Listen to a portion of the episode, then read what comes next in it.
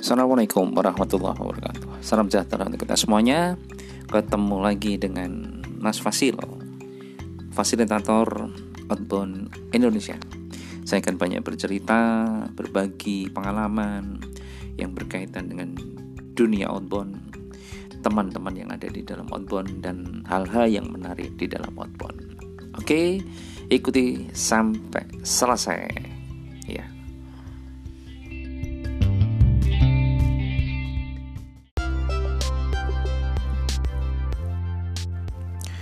Iya, baik. Ini adalah episode tentang outbound spesial outbound yang kelima. Nah, jadi ini berdasarkan isinya yang saya ceritakan adalah berdasarkan uh, buku yang saya tulis sendiri, yaitu buku ke berapa nih buku saya? Saya udah ada 9 buku yang saya tulis ini buku dengan judul experiential learning lebih seru daripada outbound. Ya kalau kemarin kita bicara tentang outbound itu seru dan lucu. Nah sekarang outbound itu apalagi nih ya? Outbound itu adalah berjalan dan berlari ya. Sebetulnya makna berjalan dan berlari di sini adalah outbound itu memang lebih banyak eh, apa namanya kegiatannya itu adalah dengan bergerak bergerak, berinteraksi, bersosialisasi. Makanya uh, selama pandemi ini teman-teman kami semuanya di seluruh Indonesia um, sangat slow down lah boleh dikatakan karena itu tadi sifatnya dari kegiatannya kegiatan saya katakan kegiatan outbound kebanyakan orang mengatakan itu adalah harus bergerak uh, berlari bersosialisasi uh, kontak langsung dan sebagainya dan itu kalau dikaitannya dengan protokol kesehatan juga pastinya agak sulit tetapi bisa sih sebetulnya. Nah, kalau konteksnya adalah terkaitan dengan uh, terkait dengan aktivitas yang seperti itu memang agak berat ya. Tetapi kalau outbound dikaitkan dengan definisi bahwa outbound itu sesuatu yang sifatnya change change feeling, change thinking, and change behavior, maka program kegiatan outbound itu sangat mungkin bisa dilakukan. Eh, bahkan tidak harus istilahnya itu apa namanya bersentuhan dan segala macam itu sangat bisa. Jadi teman-teman kalau mau membuat program untuk change feeling, thinking dan behavior pun sebetulnya masih terbuka peluang itu. Cuman masalahnya mungkin belum terbiasa saja kayak gitu. Jadi memang outbound itu lebih cenderung adalah bergerak atau dinamis kayak gitu. Tapi apakah ada outbound yang sifatnya itu diam? Ada, karena memang sebetulnya aktivitas itu kan kalau secara umum ada ada yang aktivitas itu ada yang berpindah tempat ada yang tidak berpindah tempat. Kayak gitu. Bahkan unsur refleksi setelah ada aktivitas itu unsur refleksi itu adalah dilakukan memang kebanyakan adalah tidak berpindah tempat. Seperti itu. Jadi kembali lagi bahwa jangan terus ya secara umum mungkin oh teman itu harus main game kemudian harus berinteraksi satu dengan eh, oke okay, itu yang memang sebagian besar Eh, teman-teman mungkin uh, apa istilahnya itu uh, sering melihatnya gitu. Tapi sebetulnya bisa. Kayak gitu. Saya pernah melakukan outbound tetapi dengan menggunakan yoga. Coba. Yoga itu bergerak tetapi untuk dirinya sendiri kebetulan saya uh, saya ikut hatha yoga sudah beberapa tahun. Uh, kemudian ada beberapa company yang minta untuk uh, apa namanya istilah outbound tetapi dengan yoga. Ya saya berikan kayak gitu itu adalah peserta itu sudah dijaga jarak. Kalau yoga pasti jaraknya itu udah hampir sekitar satu setengah meteran karena kalau kakinya terbuka supaya nggak bersentuhan itu sudah mengikuti protokol kayak gitu.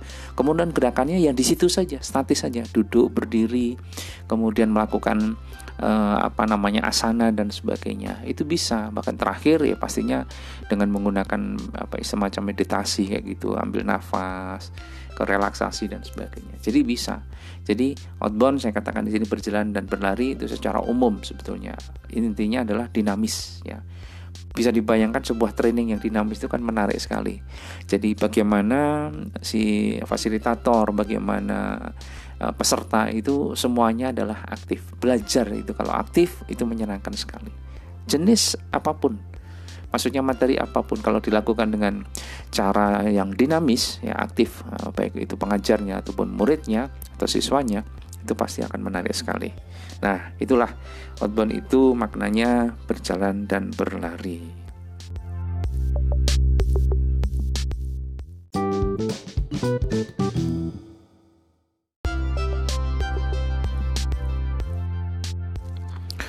Oke, okay, selanjutnya outbound itu bekerja. Ya, ini kaitannya bahwa outbound itu bekerja, outbound itu sebetulnya kaitannya dengan pekerjaan. Outbound itu kaitannya dengan profesi. Ya, mungkin saat ini uh, banyak uh, teman-teman melihat bahwa apa istilahnya itu uh, kegiatan yang dipandu oleh ya, kegiatan outbound yang dipandu oleh beberapa teman-teman lah di lapangan kayak gitu. Nah ternyata saat ini sebetulnya outbound itu sudah menjadi profesi dan mereka juga sudah istilahnya itu bisa mencari uh, uh, sertifikasi, jadi diuji. Ya seperti itu. Jadi sekarang sudah ada asosiasinya, kemudian jadi profesi ini pun sebetulnya uh, butuh satu kemampuan ya kompetensi istilahnya ya yang memang harus dipunyai oleh si pelaku itu sendiri. Itu yang dalam arti namanya fasilitator gitu. Ada tingkatannya itu lagi ya ada fasilitator muda madya dan utama. Dan kompetensi intinya pun ada masing-masing seperti itu. Dan mereka juga diuji oleh seorang asesor kayak gitu. Kemudian setelah itu mereka pun juga apa namanya istilahnya itu uh, ada ada lifetime-nya waktunya kalau nggak salah itu. Tiga tahun ya setelah itu harus diperbaharui lagi seperti itu. Jadi sebetulnya kalau kita bicara tentang outbound itu sekarang itu sudah menjadi semacam apa ya istilahnya pekerjaan yang mungkin teman-teman bisa menekuninya ini butuh sebuah kemampuan yang tidak begitu saja. Mungkin teman-teman melihat, oh mimpin game itu gitu, iya. Seperti itu, tetapi sebetulnya itu ada tekniknya, ada teorinya, ada bahasannya. Dan itu menarik sekali. Ya, se memang sekarang itu memang apa ya istilahnya hal-hal seperti ini mungkin perlu banyak edukasi bahwa banyak orang yang melihat kegiatan-kegiatan open itu oh cuman begitu aja gampang kayak gitu. Udah nonton aja di YouTube atau mungkin nonton beberapa kali kayak gitu itu bisa. Ya memang bisa kayak gitu loh. Tetapi akan lebih menarik kalau kita belajar ilmunya juga kayak gitu. Ada hal-hal yang uh, perlu kita pelajari bagaimana tentang grup atau bagaimana tentang perkembangan sebuah tim. Kemudian bagaimana tentang isu-isu yang mau dibahas kalau kaitannya dengan program edukasi kayak kaitannya dengan program development. Itu kan beda-beda ya jadi kembali lagi bahwa outbound itu bekerja, outbound itu kaitannya adalah sebuah pekerjaan, outbound itu adalah sebuah sebuah profesi di mana kalau profesinya itu mau bagus ya pastinya butuh latihan, kemudian butuh training, kemudian butuh sharing, butuh diskusi, butuh literasi. Nah, kembali lagi ini literasi ya. Ini ini menarik ini saya suka bicara masalah literasi kaitannya dengan dunia atau profesi outbound nih ini agak sedikit paradoks gitu.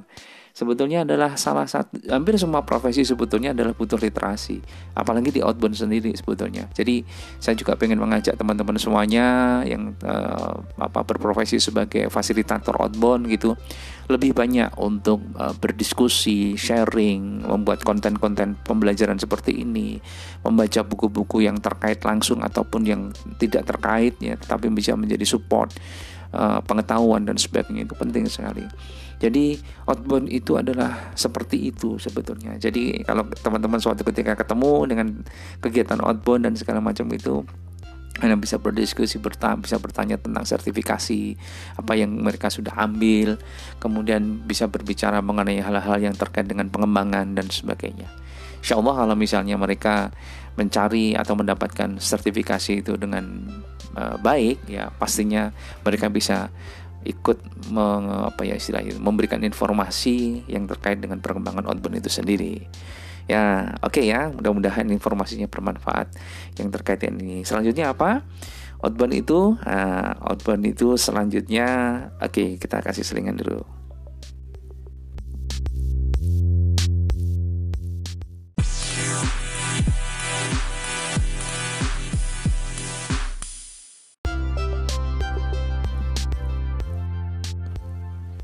Ya, baik. Selanjutnya ini terkait dengan yang apa namanya yang barusan kita bahas itu outbound itu bekerja.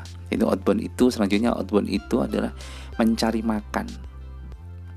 ini agak sedikit ini ya apa namanya ekstrim ya kalimatnya ya sebetulnya terkait dengan yang tadi outbound itu bekerja outbound itu berprofesi di mana profesi itu adalah menghasilkan sesuatu ya dalam hal ini adalah teman-teman itu setelah melakukan kegiatan itu. Biasanya eh, teman-teman uh, itu ada yang punya provider ini ada istilahnya. Provider itu adalah pemilik uh, kegiatan atau apa ya istilahnya pemilik tim atau perusahaan di bidang outbound seperti itu. Dan biasanya provider itu punya teman-teman yang menjadi karyawannya sendiri, maksudnya karyawan di dalam menjadi ya tiap hari rutin bekerja dan segala macam ya seperti layaknya sebuah perusahaan. Tetapi di saat-saat tertentu juga mereka punya fasilitator atau teman-teman yang di luar eh, apa namanya karyawannya sendiri itu di hire kayak gitu istilahnya kalau di open itu di staffing di staffing itu adalah misalnya ada satu kegiatan outbound, kemudian timnya itu kurang sehingga dia harus mencari uh, apa teman-teman freelance, fasilitator freelance yang di staffing. Istilah staffing ini uh, sangat familiar sekali di bidang uh, dunia outbound yaitu sangat familiar. Jadi eh staffing dong dan freelance fasilitator freelance di Indonesia itu banyak sekali. Jadi mereka itu adalah secara pribadi, mereka punya kompetensi, mereka punya kemampuan, Bahkan mereka malah justru yang paling tampil, sering tampil di dalam kegiatan-kegiatan outbound itu. Mereka adalah seorang pekerja seni, saya katakan juga kayak gitu. Jadi mereka adalah mulai apa namanya istilahnya itu memberikan apa ice breaking, kemudian ada yang menjadi game master, ada yang menjadi instruktur dan segala macam. Karena urusannya adalah langsung terkait dengan peserta. Sedangkan kalau urusan administrasi, tentang kontrak, tentang pembayaran, tentang berkaitan dengan persiapan dan segala macam itu biasanya diurus uh, oleh uh, provider itu sendiri. Jadi kalau yang perusahaan-perusahaan itu biasanya bertemunya itu dengan para provider kayak gitu. Sedangkan provider itu mempunyai fasilitator sendiri, tetapi kalau kurang kebanyakan adalah mencari fasilitator yang sifatnya adalah freelance dan ini sudah menjadi industri. Jadi ini menarik sekali. Ya, di mana-mana seperti itu. Nah ini mungkin ada beberapa catatan kayak gitu. Bagaimana sih etika kerjasama antara provider dengan teman-teman fasilitator uh, freelance itu seperti apa? Ini masih perlu perlu dibenahi, masih banyak dibenahi kayak gitu. Supaya apa win-win lah. Artinya keuntungan itu akan uh, didapatkan itu adalah seimbang lah kayak gitu. Provider juga membutuhkan, fasilitator juga membutuhkan. Di dalam kondisi pandemi seperti ini semuanya kena semuanya kena bahkan ada beberapa provider yang memiliki apa namanya katakanlah database uh, fasilitator freelance itu juga ada yang membantu ya kesulitan kesulitan dari apa istilahnya itu uh, fasilitator freelance tersebut. Tetapi ada juga yang tidak membantu. Ya tapi ya kembali lagi lah akan lebih bagus kalau kita bekerja sama. Jadi apa di dunia outbound itu uh, di satu sisi itu adalah terkait dengan aktivitasnya tapi di sisi lain juga ada terkait dengan masalah istilahnya bisnisnya model-model bisnisnya macam sekali. Sekarang itu provider di Indonesia itu banyak sekali. Saya pernah menulis khusus buku kaitannya dengan itu ya, judulnya buku pertama saya outbound itu menyesatkan. Bagaimana paradoks-paradoks yang terjadi di dalamnya itu saya tulis. Buku itu apa namanya saya tulis dan cukup heboh waktu itu ya. Kebetulan sudah sold out dan ada rencana mau saya cetak ulang kayak gitu jadi teman-teman semuanya outbound itu adalah uh, juga kaitannya bekerja mencari makan kaitannya dengan uh, profesi nah, kembali lagi bahwa uh, outbound bukan hanya sekedar permainan tetapi lebih dari itu Oke, baik teman-teman semuanya, mudah-mudahan bermanfaat ya. Mudah-mudahan kita semuanya tetap sehat, terus berkarya untuk bisa memberikan manfaat untuk orang banyak. Terima kasih, matur nuwun. Assalamualaikum warahmatullahi wabarakatuh.